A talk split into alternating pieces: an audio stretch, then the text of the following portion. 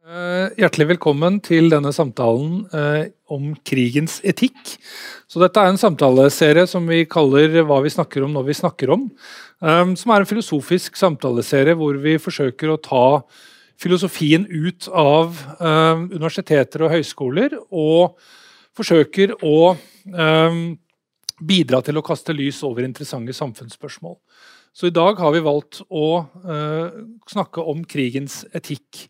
Så jeg håper jo virkelig at vi da lykkes med det målet med samtaleserien, og, uh, og bidra til å, å, klargjøre og kaste lys over uh, et, et, veldig viktig spørsmål, nemlig krig. mitt navn er Espen Gamlund, jeg er professor i filosofi ved Universitetet i Bergen. og som vanlig i disse samtaleseriene så kan ikke jeg så veldig mye om akkurat det temaet vi skal snakke om, og det gjelder også i dag. Eh, så jeg har vært så heldig å fått med meg to eh, særs kompetente personer til å hjelpe meg å eh, belyse krigens etikk. Cornelia Wikan er førsteamanuensis ved Luftkrigsskolen.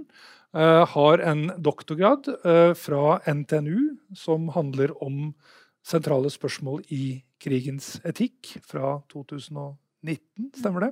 Ja. Veldig hyggelig at du har tatt turen til Bergen. Tusen takk. Veldig hyggelig å bli invitert. Ja, Og så har vi eh, Lars Kristi, som er førsteamanuensis i filosofi ved Høgskolen i, Høgskolen i Innlandet. Eh, og Lars spesialiserer i, seg i moralfilosofi, politisk filosofi, med en spesiell interesse for krigens etikk. Hjertelig velkommen til deg også, Lars. Tusen takk.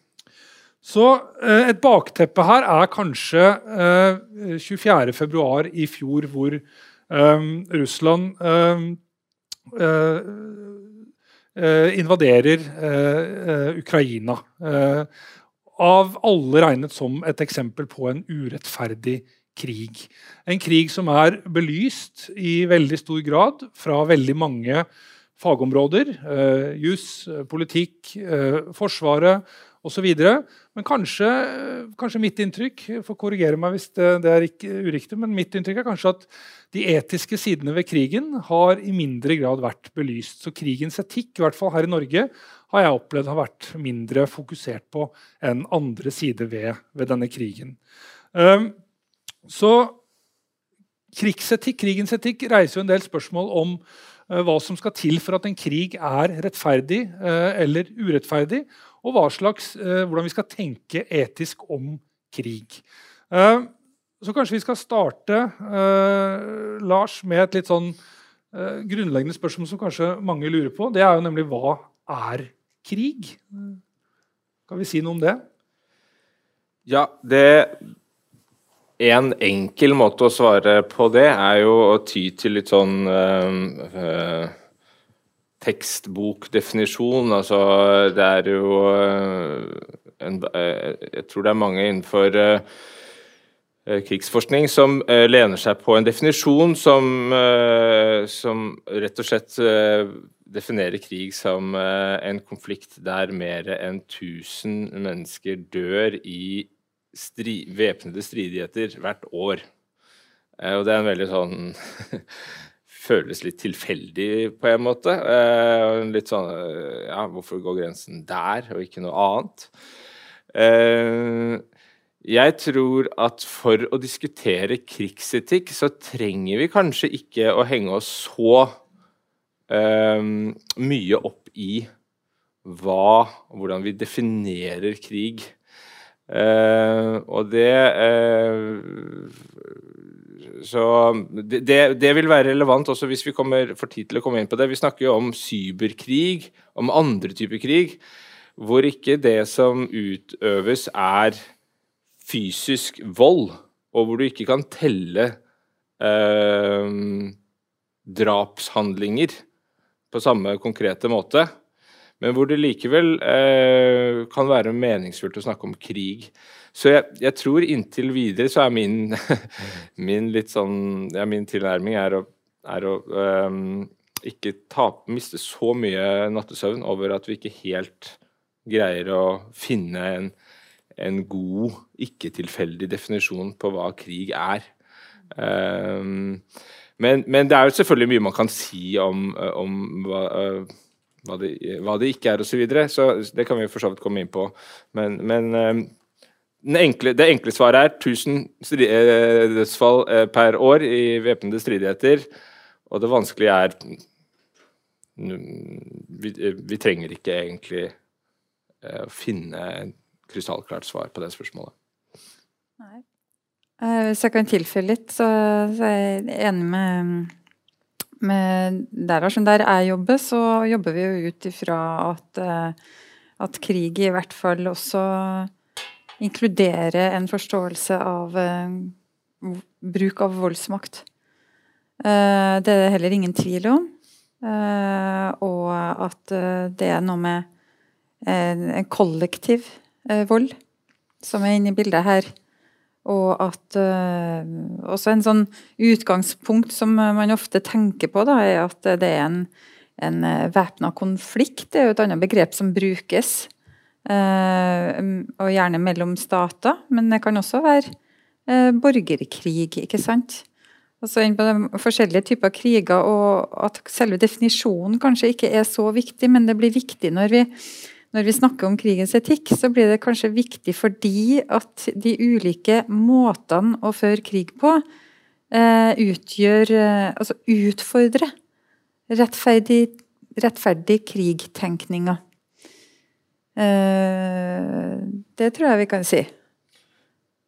Jeg tror kanskje at noe, noe av grunnen til at vi kan henger oss opp i spørsmål om hva er krig, har jo med at inngangen på temaet er krigens etikk. Mm. Så da må man Hva er krig? Men jeg lurer på om grunnen til at vi snakker om krigens etikk, eh, er fordi krig er så grusomt at vi stiller oss spørsmålet kan det være en etikk i en så grusom situasjon. Det er det som er bakgrunnen. At vi har, vi har pasifistene som benekter at krig noensinne kan være eh, riktig. Og så har vi de iskalde realistene som sier at det fins ikke etikk i krig. Og så har du de imellom som sier nei, verken pasifistene eller de knallharde kynikerne har rett. Det er en etikk her. Vi kaller den krigens etikk. Mm. Eh, og så går man derfra. Eh, og, ja, og, så får vi leve kanskje med at vi ikke helt eh, det er etiske regler i grusomme situasjoner. For en slags sånn mm. folkelig Ja. Men, men jeg, det er en slags uenighet her, da. fordi det, det er klart at uh, du kan jo være litt mer presis, sånn som du er, og si kollektiv voldsutøvelse, f.eks. Mm. Uh, det er jo en litt mer presis uh, tolkning. Og så tror jeg kanskje man også får mer, sånn, et mer bilde av det når vi begynner å snakke om hvilke kriterier som er satt opp da, i denne tenketradisjonen rettferdig krig. Eh, og en måte å si det, si, si det på er også at eh, rettferdig krig-tradisjonen starter der pasifismen slutter, på en måte. Altså, hvis du ikke eh, Hvis du anerkjenner at eh, krig er uunngåelig i, i, menneskets historie, så har det alltid vært kriger og stridigheter. Og, og mange mener at altså, som tyder på at mennesker er ja, Nå leser jeg mye engelskspråklig litteratur, som er sånn prone to conflict. da. Altså At man er tilbøyelig til å komme i konflikt med hverandre. og Det kommer fra liksom, behovet vårt for å beskytte interessene våre, ikke sant? beskytte gruppa vår osv. Så, eh, så eh, må vi likevel tenke på hvordan vi skal begrense eh, lidelsene som er knytta til krig og krigføring. Og det er jo sånn at vi stiller oss over dyrene eh, og ser på oss sjøl som moralske vesen. Og hvis vi gjør det, så må vi eh, gjøre noen ting for å ivareta den humaniteten, da. Ja, ikke sant. Og når du da nevner dyrene, så vil jo et naturlig ting å si være at vi mennesker er de eneste som utvikler en etikk. Mm. Eh, kanskje er vi de eneste, hva vet jeg, som også er i stand til å handle moralsk og umoralsk. Men, men også har vi nevnt dette med rettferdig krig, noe vi kanskje stusser over at det, hele tatt, det går an å snakke om rettferdig krig. Krig er jo som ble sagt, det handler jo om, om død og lidelse og, og så videre. Eh, så hvordan kan det hele tatt være mulig å snakke om en rettferdig krig. Men, men du nevner jo Cornelia, da, rettferdig krig-tradisjonen, som er en mm. tradisjon i, i filosofi mm. for å tenke rundt krig. Mm. Uh, skal vi prøve å si litt om Hva er det som kjennetegner en krigens etikk? da? Uh, når vi nå har akseptert at vi, det gir mening å snakke om en etikk knyttet til krig. og Kanskje også trenger vi en etikk mm. knyttet til krig. Men hva spesifikt er det den etikken handler om? Ja, eh, jeg kan begynne litt. Eh, ja, vi trenger en etikk fordi at eh, det er makt involvert. Og, og når interessene våre er trua, så begynner også følelsene å koke. Og da trenger vi en etikk for å bidra til å regulere de følelsene.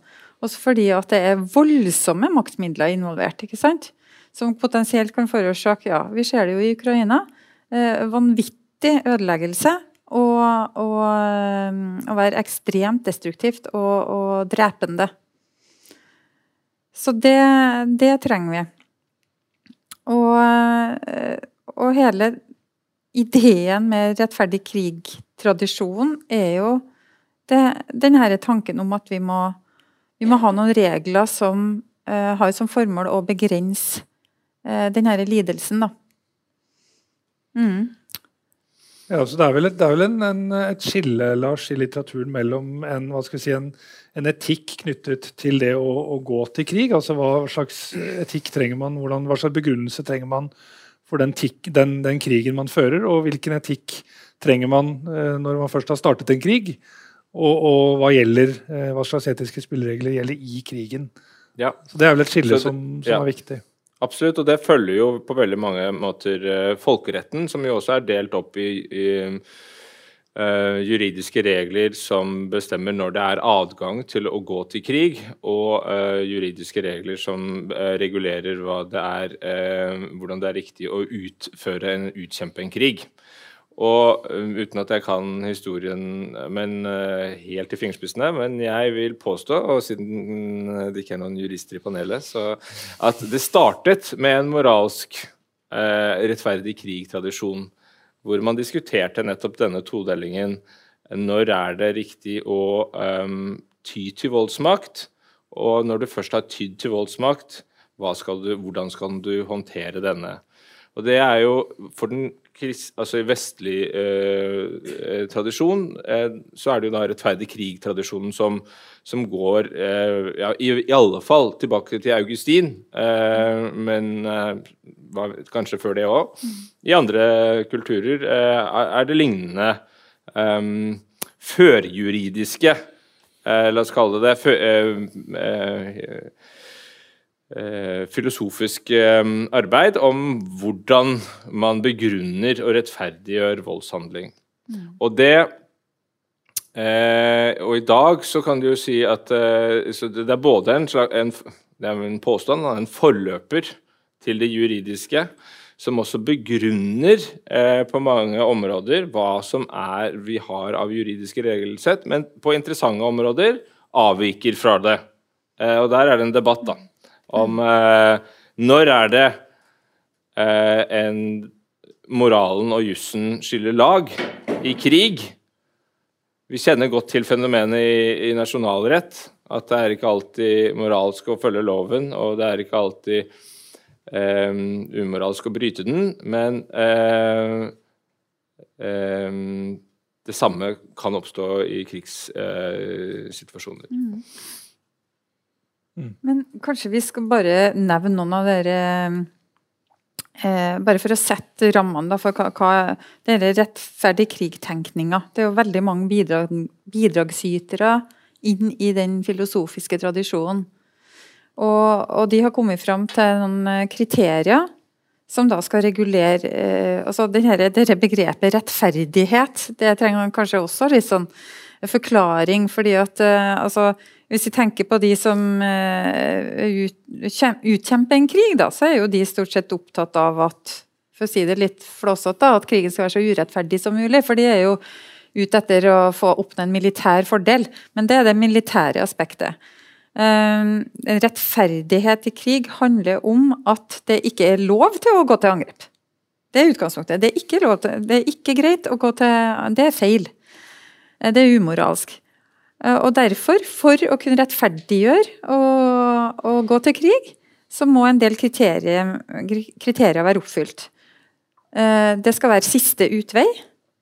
Nå hjelper meg hvis jeg ikke kommer på alt, eh, Lars. Det skal være rett autoritet som gir, tar beslutningen om å gå til krig. Altså en en statlig myndighet eller noe sånt. Det skal være rett intensjon bak det å gå til krig. Og den eneste rette intensjonen er fred. Det er noe som heter 'If you want peace, prepare for war'. Eh, det skal være um, rett grunn, sa jeg det? Ja. Rett grunn, ja. Det er selvforsvar. Altså forsvare seg. En forsvarskrig. Og så et par kriterier til. Proporsjonal, ja. Proporsjonalitet, ja. Altså så skal man ikke forsvare seg med mer midler enn nødvendig for å, for å ja. De, ja, og den, den, den, er jo den viften med kriterier, den kan mm. um, avhengig av hvor uh, streng man er, da. Mm. Så kan man liksom utvide og, og, jeg tenker jeg tenker på som de aller viktigste grunnleggende uh, kriteriene der, er du skal ha en riktig grunn. Ja. Du skal være angrepet, eller du skal redde noen andre fra som blir angrepet. Mm. Det er de to viktigste uh, grunnene. Det skal være proporsjonalt. Når du redder noen, så skal du ikke skade flere enn de du redder. Og det må være nødvendig. Det må ikke finnes andre måter du kan redde dem på som ikke innebærer å drepe så mange. Mm. Det, er, det er, sånn helt sånn. Og så er det disse mm. andre, da. Det må mm. være et, riktig autoritet og riktig intensjon og, og uh, siste, siste utvei og sånne ting. Ja der er Jeg er ikke så streng på akkurat de, men uh, jeg er kanskje en uh, litt løssluppen rettferdig krig-tilhenger. Men, men, jeg tenker de tre jeg nevnte, er på en måte de, de viktigste. Om det er kongen som har befalt det, eller om det er noe du har funnet ut av selv. Eh, så lenge det er riktig, så er det det som er eh, viktig, da. Men, ja. Men, så kan jo krigen være igangsatt på, på, feil grunnlag, eller på riktig grunnlag i henhold til den tenketradisjonen. Men uansett så gjelder det også noen kriterier i krigen, altså for selve utføringa av, av krigen. Og de viktigste prinsippene der, det kjenner jo også fra folkeretten. Det er sånn de er gjenspeilt i folkeretten på den måten. Det handler jo om proporsjonalitet. altså at, at bruken av uh, anvendelse av voldsmakt skal være proporsjonalt med antatt uh, for, uh, Altså hensikt. antatt mål. Og diskriminering og skille mellom stridende og ikke stridende. Og alt dette her kan jo problematiseres, ikke sant? fordi det er jo sjelden sånn at krig er veldig enkelt satt opp sånn to styrker mot hverandre, der alle er eh, lett identifiserbar som eh, stridende. Resten, er, de sivilt kledde, er ikke stridende. Det har vi jo sett veldig mange eksempler på. Afghanistan er et sånt eksempel, ikke sant? der norske styrker var involvert. Eh, hvor eh, Ja, med de selvmordsbomberne og sånn. Eh, som gjør eh, Som utfordrer de prinsippene veldig, da. Og så har du også en, eh, noen kriterier for eh, etter krigen, da. Ikke sant? Når freden inntreffer, hva slags fred skal det være? Hva er det som gjelder for kriterier da? Mm. Så det er liksom det, det ramme, filosofiske rammeverket. Dette er jo på et, på et vis litt sånn selvfølgelige allmennmoralske ja. prinsipper da, som man finner i krigens etikk. Du, en, du, du trenger en god grunn for å, for å, skade noen, du trenger en god grunn for å ta liv. Du skal ikke ta mer liv enn nødvendig. Uskyldige har en annen status enn en skyldige osv. Så, videre. så her er tankegangen her at man, man har kommet fram til disse, denne krigens etikk, så har man ikke funnet opp en ny etikk. Man har sett på sett og vis bare tatt det vi har fra eh, allmennmoralen, kall det det, eller, eller, etikken generelt, og som man anvendte på krig. Er det riktig forstått? Eh, eller har man sett på kriger og så har sett eh, dette skjer i krig, her trenger vi disse, denne etikken, og så har man funnet opp en egen krigens etikk som viser seg å ligne litt på allmennmoralen. Skjønner du hva jeg mener? Altså, hva, hva, hvordan, måte, det er liksom, Ikke nødvendigvis virkningshistorien til etikken her, men, men, men den ligner jo på en måte påfallende på, på en etikk vi kjenner fra før. da. Mm.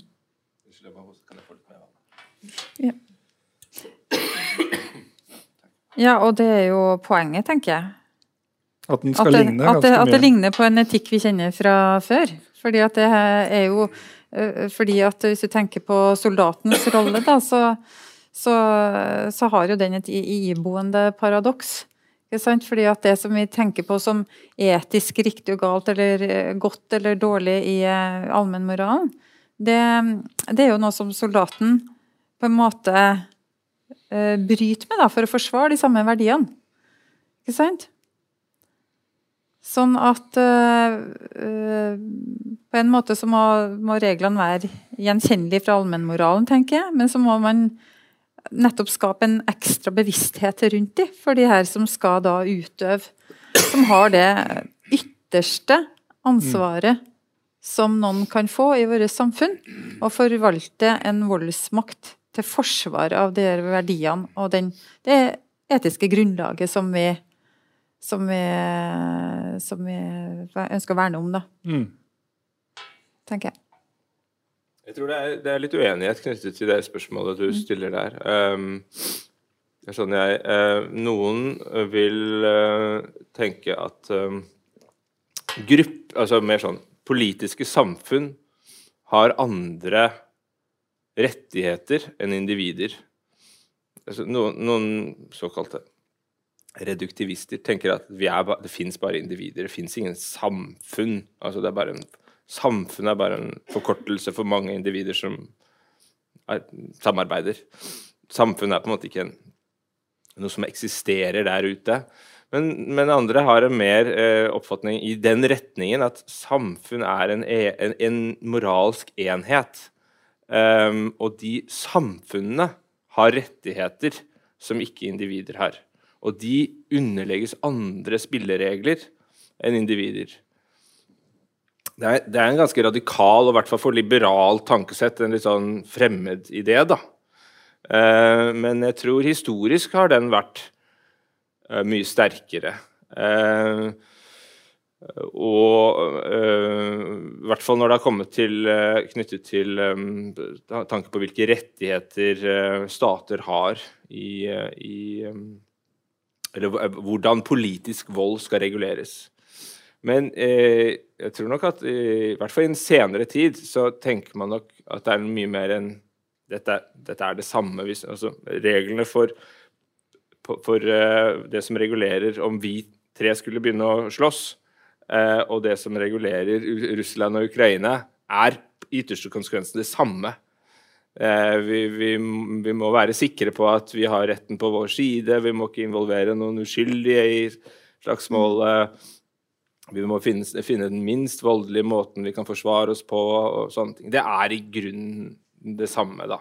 Mm. Um, så, og jeg, jeg er nok sympatisk mer uh, sympatisk innstilt til den siste tilnærmingen. At uh, rettferdig krig har ikke funnet på noe nytt. altså Rettferdig krig-tradisjonen har ikke kommet trekkende opp med noen helt nye prinsipper. Du kan stort sett anvende de prinsippene på veldig, på veldig mye. Mm. Og det, det, det går tilbake til mitt poeng om at det er kanskje ikke så avgjørende hva som er en krig eller ikke. For disse prinsippene har gyldighet på tvers av menneskelig atferd. Mm. Og samtidig så er, så er, det, så spill, så er det en moralsk relevant forskjell i, fra borettslaget og en krigssone, ikke sant?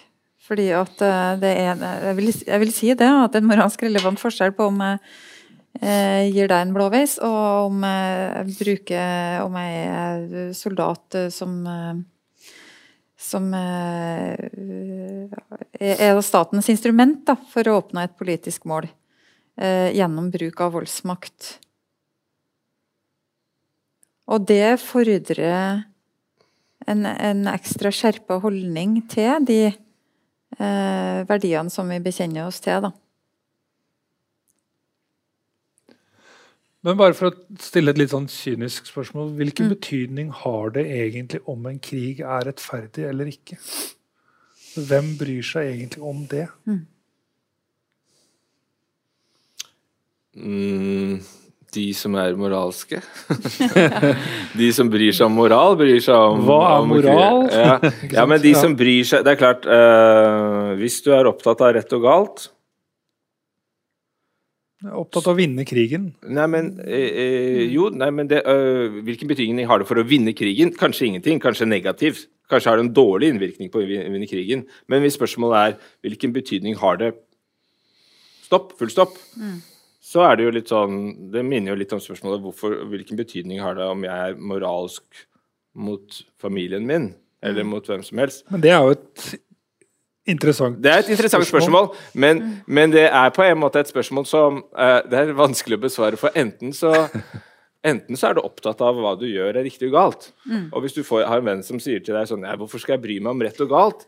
Så er jeg litt sånn Nei, uh, da, da må du snakke med en psykolog, egentlig. Du må ikke, jeg, er ikke, jeg er ikke den rette personen, fordi det er så sentralt i det å være, leve et godt liv, er å bry seg om hva som er rett og galt, at hvis du ikke kjenner det, så, så vet jeg nesten ikke hva jeg skal si. Eh, men så kan jeg selvfølgelig bruke sånne andre ting jo Du kommer til å bli hjemsøkt, og hvis du gjør ting som er eh, slemme, så kommer du til å angre på det, eller folk kommer til å ikke like deg. Og det kan du jo si om eh, i krigssituasjonen også, at eh, hvis du deltar i en eh, eh, angrepskrig som er moralsk uberettiget, så vil du an, potensielt kunne eh, selv klandre deg eh, etterpå. Du vil skade andre mennesker eh, som er uskyldige. Eh, en politisk eh, ja, så, så du vil gjøre gale ting. Men det er klart du kan bare stille spørsmålet om igjen. Hvorfor skal jeg bry meg om jeg gjør gale ting? Mm. Så du kan fortsette den der spørsmålsrekken. Men eh, du kan jo si til en politiker du vil ikke, du, det, er så, det, er, det er nok mennesker som er opptatt av moral. At hvis du bare slipper en atombombe fordi det vinner krigen, så vil ikke du bli gjenvalgt. Fordi så mye De fleste vil tenke at det, så mye er ikke krigen verdt. Mm. Eh, sånn at du vil bli du kan, altså Det å bli ansett som umoralsk er jo også rent sånn pragmatisk veldig eh,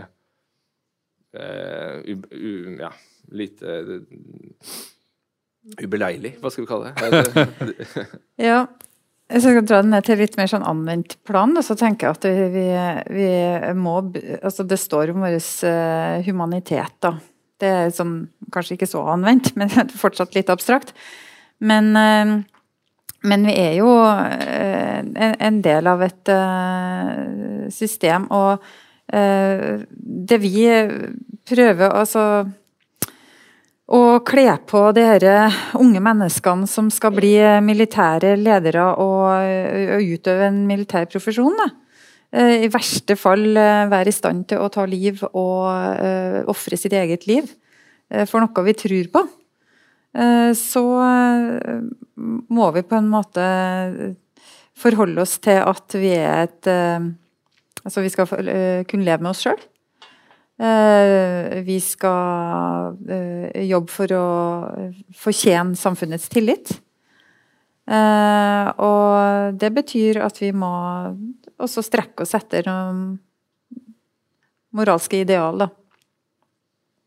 Og så kan vi i krig eh, altså bli syk hvis vi ikke er klar over de eh, moralske kompromissene som Hvis soldater ikke er klar over de moralske kompromissene de inngår, så kan man argumentere med at det er, øker risikoen for at de får eh, traumer, som jo også er, er noe som eh, vi ikke ønsker, for de skal jo tilbake til samfunnet igjen og leve gode liv som hele mennesker. Så jeg tenker at det er mange gode grunner til å bry seg med krigens eh, etikk. sånn sett. Men hvis, hvis min statsleder ikke bryr seg om den krigen som føres, er Ja. rettferdig eller ikke, og jeg er soldat, og eh, jeg blir avkrevet å kjempe den krigen som min statsleder ikke egentlig bryr seg om er rettferdig eller ikke, Mm. hvordan påvirker det meg og mitt ansvar som soldat? Skal jeg ta et oppgjør med, med min statsleders uh, oppfatning om den krigen er rettferdig eller ikke, eller skal jeg bare gjøre som jeg blir fortalt? Det tror jeg er litt avhengig av uh, Da kan vi jo se på, se på den russiske soldaten og den ukrainske. Eller vi kan se på Altså litt vanskelig å så ja, Det var jo et det, eksempel jeg hadde litt i ja, tankene. Ja. ja, ja ikke sant. Uh, altså um, det er et spørsmål da, om moralsk ansvar og, og hvor det skal plasseres, og hvor grensene for det moralske ansvaret går. Og jeg tror at i en, den russiske, uh, i den russiske militære systemet, da, så er det en ordrementalitet. Der har ikke soldater noe noe um, altså der er de, altså de er instrument for staten ut i, tatt ut i ytterste konsekvens. Mens i det norske forsvaret der uh, har vi der, vi der, har vi oppdragsbasert, en oppdragsbasert ledelsesfilosofi. Ja, det er, en, det et hierarki som er ordrebasert, men samtidig så eh, skal du jo si fra hvis en ordre er ulovlig. Eh, det er basert på at du har forstått sjefens intensjon med et oppdrag, og så løser du det eh, så godt du kan. Du er lojal mot oppdraget, men du løser det så godt du kan. Og vi eh, lærer soldater og de som skal bli befal og offiserer, at de skal etterleve kjerneverdiene respekt, ansvar og, og mot. Sånn at vi har både eh, eh, Altså, de står i en sånn Et sånn spenn, da, eh, mellom et eh, eh, ansvar knytta til rollen som soldat, som være et instrument. Eh, gjennomføre denne operasjonen. Eh, slå fienden. Angripe militære mål. Og et, og et, annet ansvar, mer generelt ansvar, altså som de må eh, stå i, i situasjoner der det ikke er helt klart hva som er det riktige å gjøre. Der, der, oppdraget ikke sier helt klart hva man skal gjøre. Nettopp fordi at det er oppdragsbasert, det er intensjonsbasert. Mm. Og det er da kun den soldaten som står i situasjonen, som er i stand til å vurdere, som kan vurdere den. Det er tanken bak, da. Mm. Og det Det gjør det jo veldig krevende å skulle være soldat i, i krig. Men eh, fordi at uh, hvis du står Jeg brukte et eksempel i en tekst jeg skrev om, uh, om en uh, ukrainsk fangevokter som sto overfor en, en, russisk fange, da. Og hadde en sånn Hva er det for noe? Tankespill, det heter ja, leka med tanken om at hvis det var min sønn, da, som da var i førstegangstjeneste, som var den ukrainske, som var fange, den ukrainske fangevokterens sted, og han visste at den Eh, fangen han passa på, eh, nettopp hadde retta et eh, missil mot boligblokka der familien bodde, og den var nå drept. Hvor, hvor går grensen Altså Det ansvaret du har da, er det viktig for deg? Mm. Hvor viktig blir det ansvaret når du står midt oppi det? Mm. Har ikke du da lyst til å Hva er det du egentlig har lyst til å gjøre? Mm.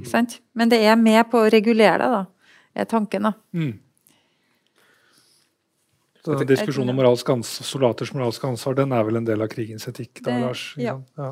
ja. jeg tenker at det, altså, til, til, det spørsmålet hva skal jeg gjøre hvis jeg skjønner at jeg er en statsleder som hm, ikke bryr seg om uh, etikk i krig? Um, eller moralsk uansvarlig statsleder. Jeg tenker Det er et, godt spørsmål for å bringe fram verdien av uh, å tenke på etikk i disse situasjonene. For her vil jussen være taus.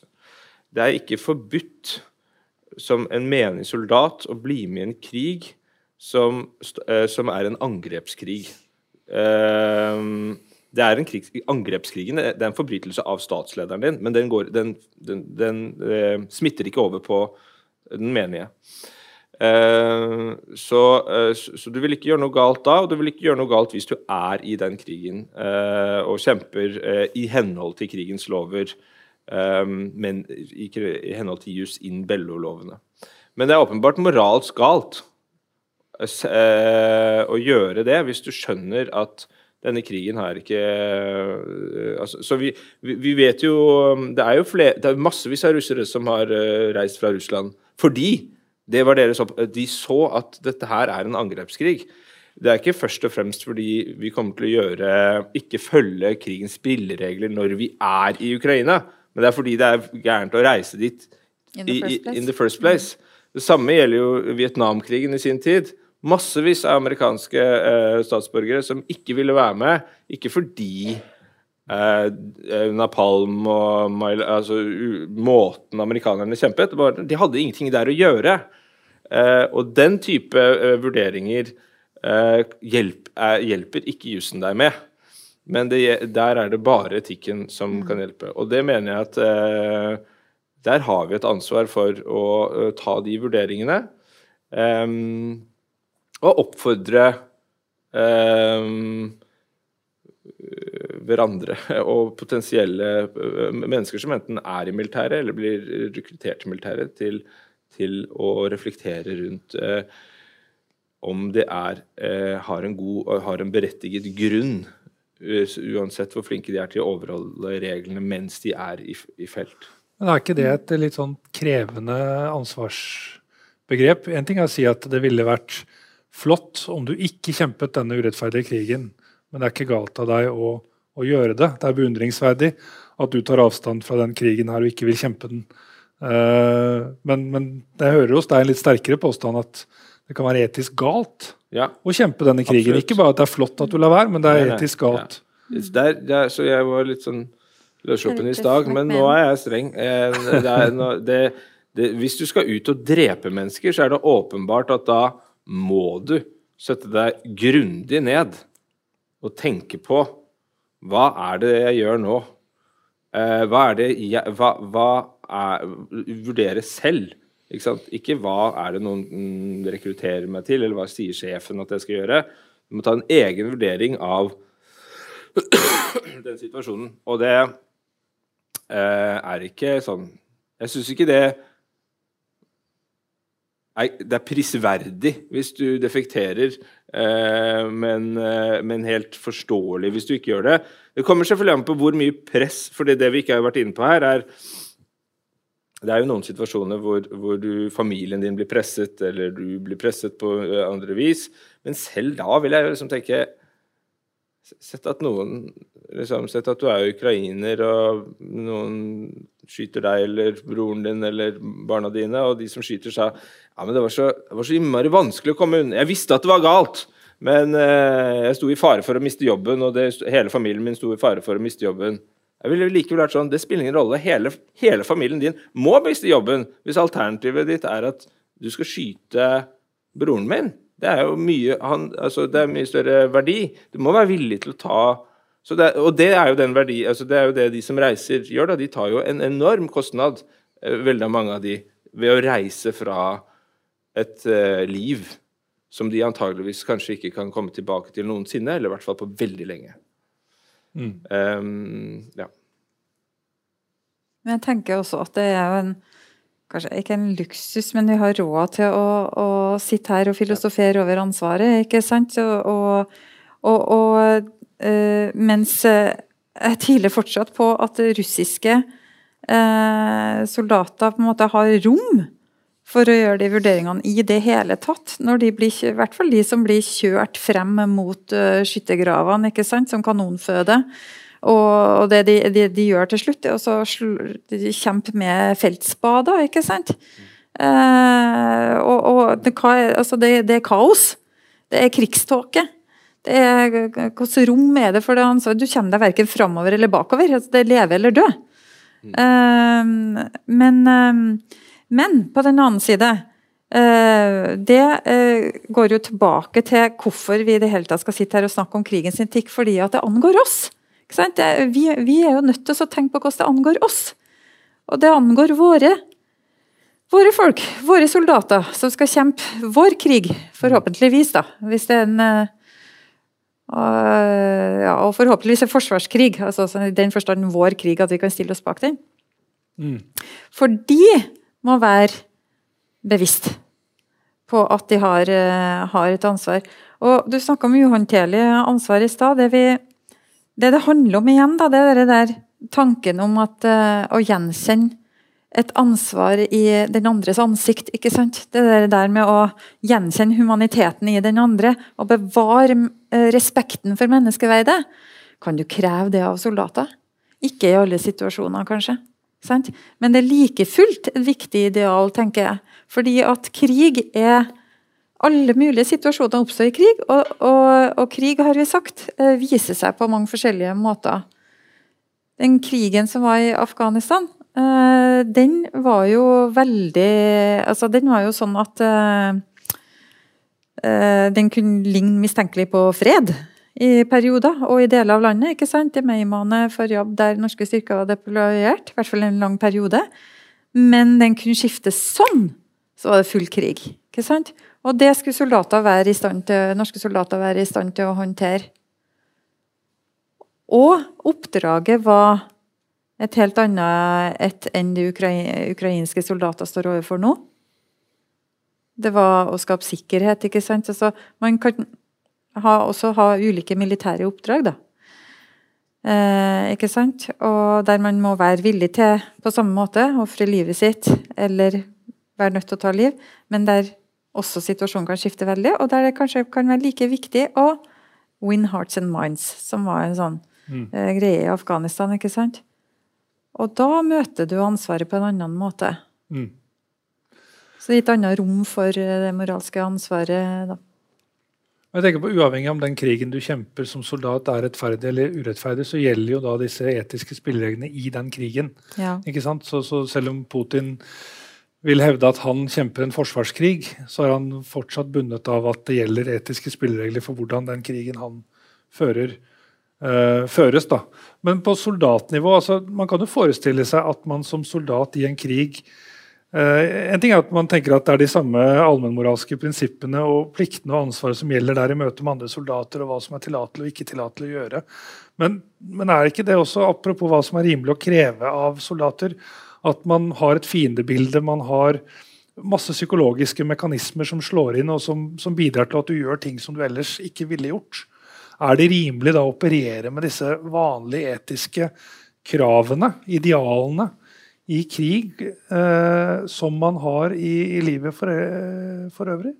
Eller, eller, må vi akseptere at, at, soldater gjør ting som de ellers ikke ville gjort i, utenfor krig? Hvis, hvis jeg skjønte spørsmålet? Ja og nei. Ja, ja jeg tror vi må uh, akseptere at man ikke kan handle på alt ansvar. Man kan ikke handle på alle generelle Men det som jeg tror er viktig, da, i og med at altså Hvis det skal være noen vits i å snakke om etikk og krig, og hvis det skal være noen vits i å stille krav til norske soldater og offiserer om at de skal etterleve noen kjerneverdier og, og ha en høy etisk standard, så må de også eh, Må vi også kunne stille krav til at de skal se hva som moralsk sett står på spillet. Og selv om de ikke alltid kan handle på det. Og det er det som er vanskelig. Å, å finne ut hvor går grensa for hva man kan gjøre. Hva setter rollen egentlig grensa for? Og det er ikke sikkert man vet på forhånd. Før man står i ulike situasjoner. For Det høres jo fint ut at du skal ja. se den andres humanitet og du skal se den andres ansikt. Ja. Det høres jo fint ut. Ja. Men, men, er det særlig realistisk å kreve dette i kampens hete, så å si? Ja, Hvis du er i kampens hete, så tror jeg det er vanskelig. Altså Hvis du står med og ser inn i hvitøyet til hverandre, og mm. det er på liv og død. Men uh, jeg må dra frem det eksempelet fra Afghanistan igjen, da, der det var en uh, som er en helt annen situasjon, ikke sant? Som, som også er like realistisk. At du kan være nødt til i en krig å samarbeide med eh, potensielle eh, farlige mennesker. Eh, for å få en oversikt over situasjonen, for å liksom sant? For å drive etterretning, kanskje. Sånne ting. Og så eh, eh, står du plutselig i en situasjon der eh, de disse krigsherrene, som du da er avhengig av å samarbeide med, eh, misbruker en gutt seksuelt på regel regelmessig basis. ikke sant? Og det er jo også noe de skal håndtere. Hvordan, hvordan funker proporsjonalitetsprinsippet i en sånn situasjon? Hvordan fungerer det diskrimineringsprinsippet? Eh, doktrinen om dobbel effekt, at du skal unngå collateral damage. Det er ikke noe, noe Når du sitter i et eh, og drikker te med afghanere eh, Men du vet at denne gutten her lir, og du vet at, krav, at barn har krav på ekstra beskyttelse. Og du vet, du vet også at oppdraget ditt er å eh, skape sikkerhet for det afghanske folket. Her har du det afghanske folket i en liten gutt, ikke sant? Poenget er at det er ikke sikkert at det er smart, eller at du kan konfrontere disse mennene. Men det utgjør en, relevant, eh, en moralsk relevant forskjell å anerkjenne at du har, står i et dilemma mot å ikke gjøre det. Mot å lukke øynene, da. Ja. Hvis det skal gi mening at uh, vi uh, trenger en etisk standard i krig. Mm. Det, det, som gjør at jeg blir litt skeptisk når folk sier, uh, som du antyder, ja, men vi kan ikke stille de samme kravene til mennesker i krig som i fred. Røftlig. Sånn. Det omformulerte spørsmålet. Men er at det er å avskjære seg fra kritikk. Det er å si sånn Du skjønner ikke hva det handler om. Det er helt annerledes. Det er, ting, det er et kaos. Uh, fog of war, bla, bla. Og det er klart at det er veldig annerledes. Det er jo ingen tvil om at det er det. Uh, men spørsmålet er om er det andre prinsipper som gjelder. Fordi det jeg hører når du beskriver forskjellen, er egentlig de samme prinsippene. Du appellerer til formildende omstendigheter. Vi kjenner det fra hverdagen. En formildende omstendighet er manglende tilgang på informasjon. Har, øh, I en krigssituasjon vil du ha mye mindre oversikt antageligvis over konsekvensene av dine handlinger enn du vil ha i en, mer, en roligere fredssituasjon. Uh, du vil ha en psykologisk uh, behov for å skape et fiendebilde.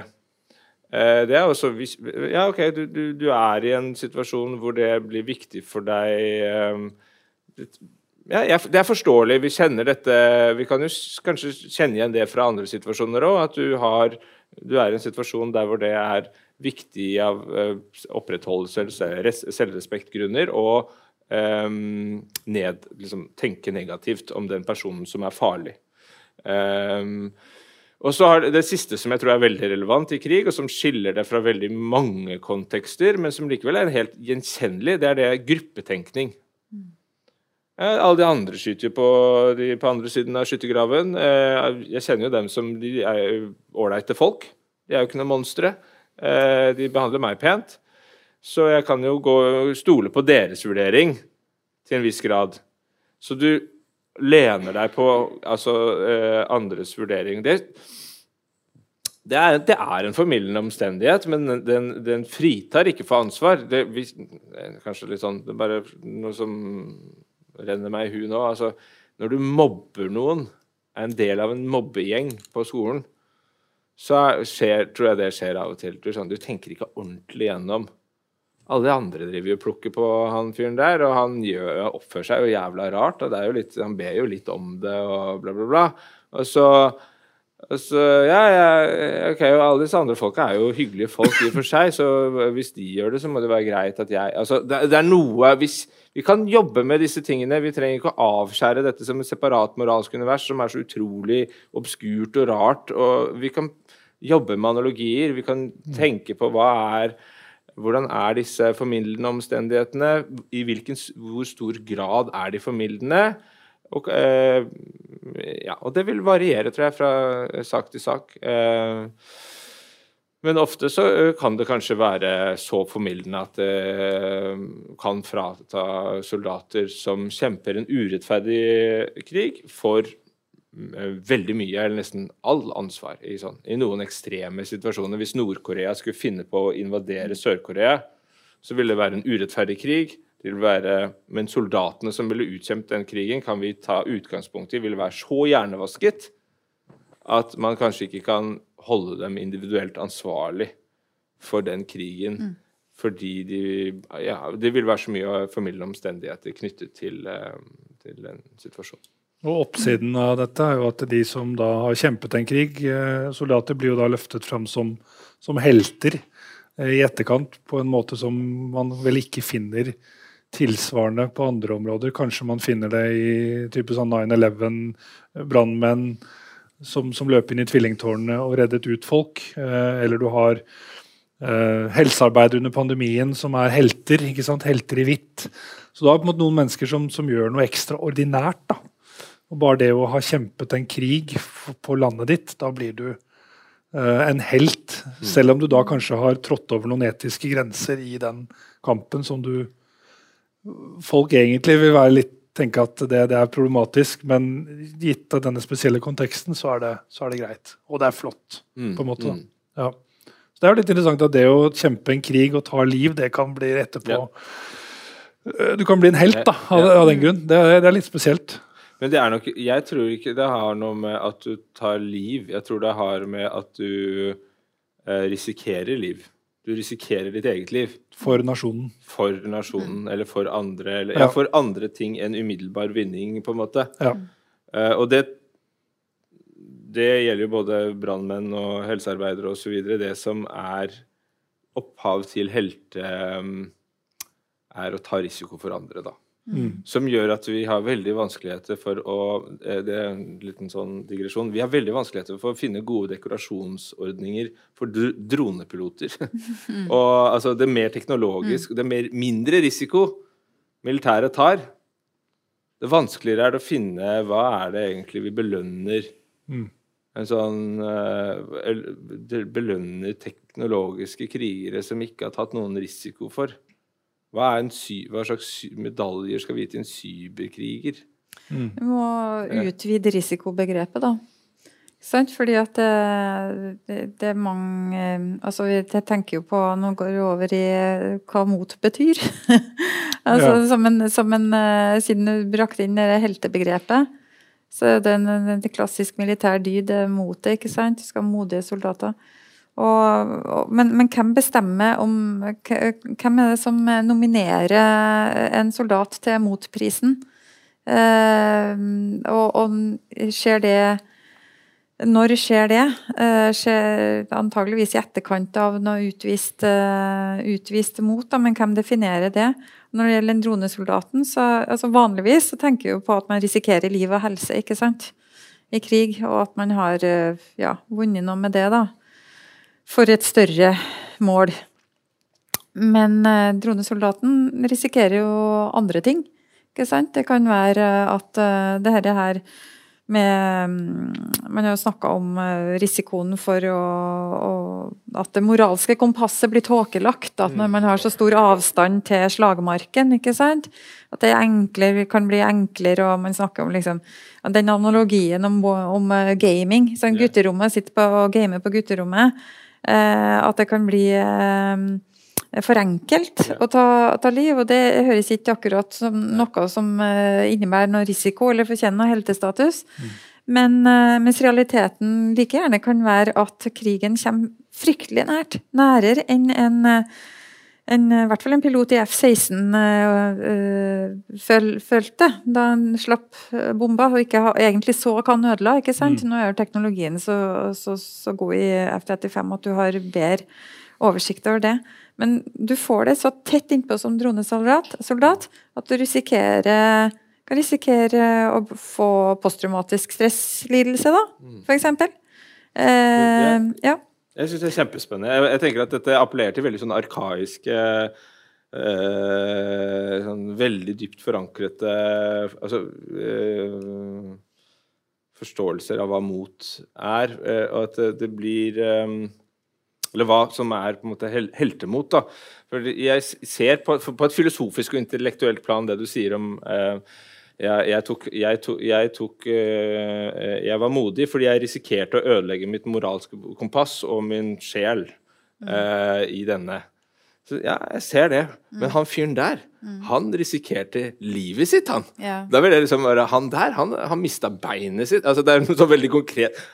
Mm. Kroppslig mm. risiko mm. har fremdeles en sånn skikkelig eh, krystallklar intuitiv appell. Mens de som risikerer noe psykologisk, selv om intellektuelt, så ser jeg, og hvis jeg kanskje skulle velge selv Her har du Du kan avtjene et år i militæret hvor du kan enten risikere å dø, eller du kan avtjene en annen hvor du kan risikere å bli ødelagt som person, så ville ikke det vært noe lett valg for meg. Mm. Uh, og, være, men, men, når det kommer til liksom, hvem er det som er helt på andre siden når de kommer hjem fra det året, så, så tror jeg sånn intuitivt så har vi veldig trukket til den uh, personen som risikerte kroppslig uh, skade. Rikt, rett eller galt. Altså, det er ikke ment ja, som en normativ nei. vurdering, jeg bare som, som, en beskriver, en rapport fra mitt, mitt, mitt, ja. mitt eget, mine egne intuisjoner. Ja. Uh, en observasjon. En observasjon. Ja. Da er det ikke nødvendig å ta risiko for å bli helt da, i Norge. Det holder at du er flink til å gå på ski. Ja. Mm. Så det er ikke sånn at risiko er en nødvendig komponent. Men det, så det er en enklere vei til heltestatus i Norge enn å bli soldat. Ja. Men et annet spørsmål jeg tenkte også er interessant, det er jo dette med i hvilken grad den, den krigen du kjemper, i hvilken grad må din, eh, ditt land, din nasjon, har realistiske muligheter til å enten til å vinne den krigen, til å stå imot fienden. Da tenker jeg på, på Russlands invasjon av Ukraina, da, hvor Ukraina var dømt til å tape den krigen veldig raskt, men hvor de sto imot. Mm. Uh, og etter hvert så fikk de hjelp til å stå imot. Men, men påvirker det rettferdigheten i krigen uh, hvilke realistiske uh, sjanser man har til å stå imot fienden? Uh, fordi det er jo, altså, Her er det jo mange liv som går tapt ved at man holder frem, forsvarer seg, uh, holder frem med krigføring. Man kunne spart mange liv ved å bare gi opp veldig fort. Så det er jo veldig mange menneskeliv som har gått tapt i krigen mellom Ukraina og Russland ved at Ukraina ikke har gitt seg. Mm. Det, har du noen tanker om det? Ja, jeg tenker uh, ja, I hvert fall um, det det er et vanskelig spørsmål. og eh, Nå ser det ut som det ikke er helt fånyttes i, i krigen i Ukraina på ingen måte. Men hvis vi hadde sett for oss at det hadde gått en måned, og Russland hadde vunnet alt, men det hadde likevel vært store tapstall den måneden, så kunne man jo virkelig Ja, var det Så kunne jeg forstått de som satt igjen. Var dette verdt det? Eh, vi så jo dette komme. Uh, og en historisk som, mer sånn case på dette er vel um, Danmark, da de ble invadert av Tyskland i annen verdenskrig. Skjønte at de hadde virkelig ingen sjanse. Det var ingen vits å prøve. Og hvis de hadde prøvd i en sånn situasjon, uh, så kan man uh, kanskje si at hvis i hvert fall den danske regjeringen der hadde sagt nå må alle mann på barrikadene. For vi har retten på vår side, og de er eh, aggressoren.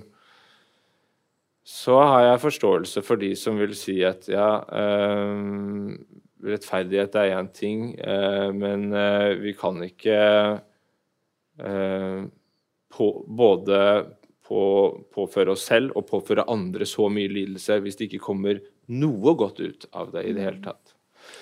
Eh, men så er det jo mange situasjoner som, sånn som Ukraina, hvor det er såpass uklart likevel. Vi vet ikke helt om det er håpløst. Eh, og så viser det seg at det ikke er eh, håpløst. Og i de situasjonene så tenker jeg da, da er, du, da er det lettere å si at så, Eller for å si det sånn Så lenge det er en viss sjanse, det ikke er helt utelukket, Mm. Eh, så, så, er det nok mm. for å mm. rettferdige, for å si det sånn helt. Ja. Jeg lurer på om det handler om spørsmålet hva gjør du med urett? Så når du opplever urett, at det handler om det, og at det også er et uh, situasjonsavhengig. ikke sant? Danmark er én situasjon, Ukraina og Russland er en annen situasjon. Da, da nazistene marsjerte inn i Norge, så er det en tredje situasjon. Og så hva gjør du når du opplever urett og blir tråkka på? Eh, og, og, det Men det er klart, vi kommer inn på mot igjen, da, fordi at det er enhver eh, militær leder eh, en stor militær leder da, kjennetegnes ved at han tar kloke, klo, kloke beslutninger Ikke sånne gode strategiske og taktiske militære beslutninger, men kloke beslutninger. ikke sant?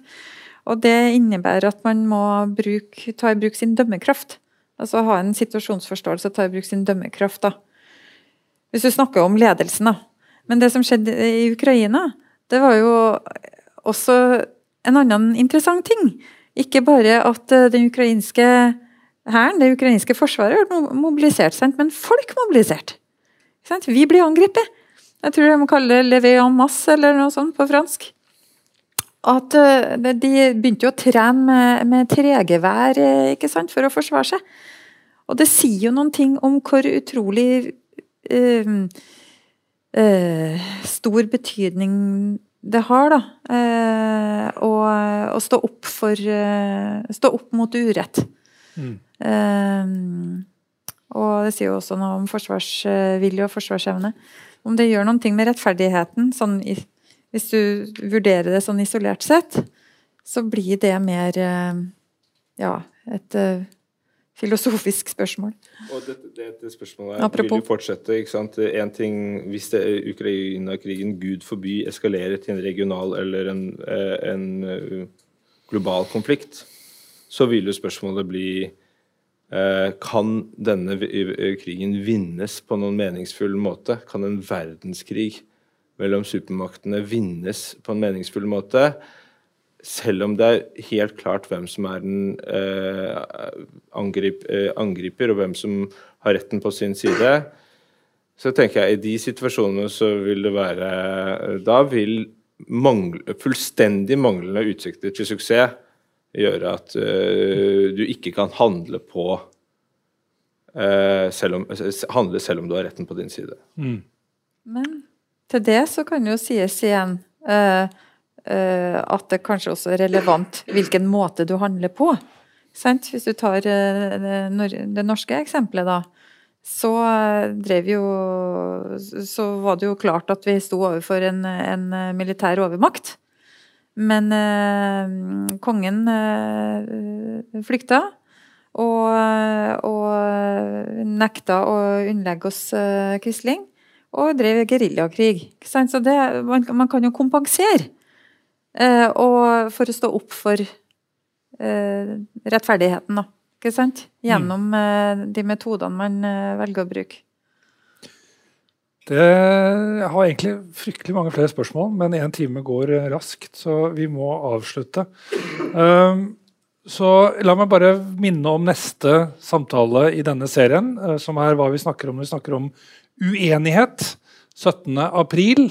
Eh, da får jeg besøk av eh, min kollega her i Bergen, Torfinn Huvenes, og kollega av um, Lars eh, i Høgskolen i Innlandet, Knut Olav Skarsaune. Så da skal vi prøve å både Kanskje vi skal være uenige om hva uenighet er. Det håper jeg virkelig vi skal få til da. Tusen hjertelig takk for at dere kom, og takk til Cornelia og Lars. Vel hjem.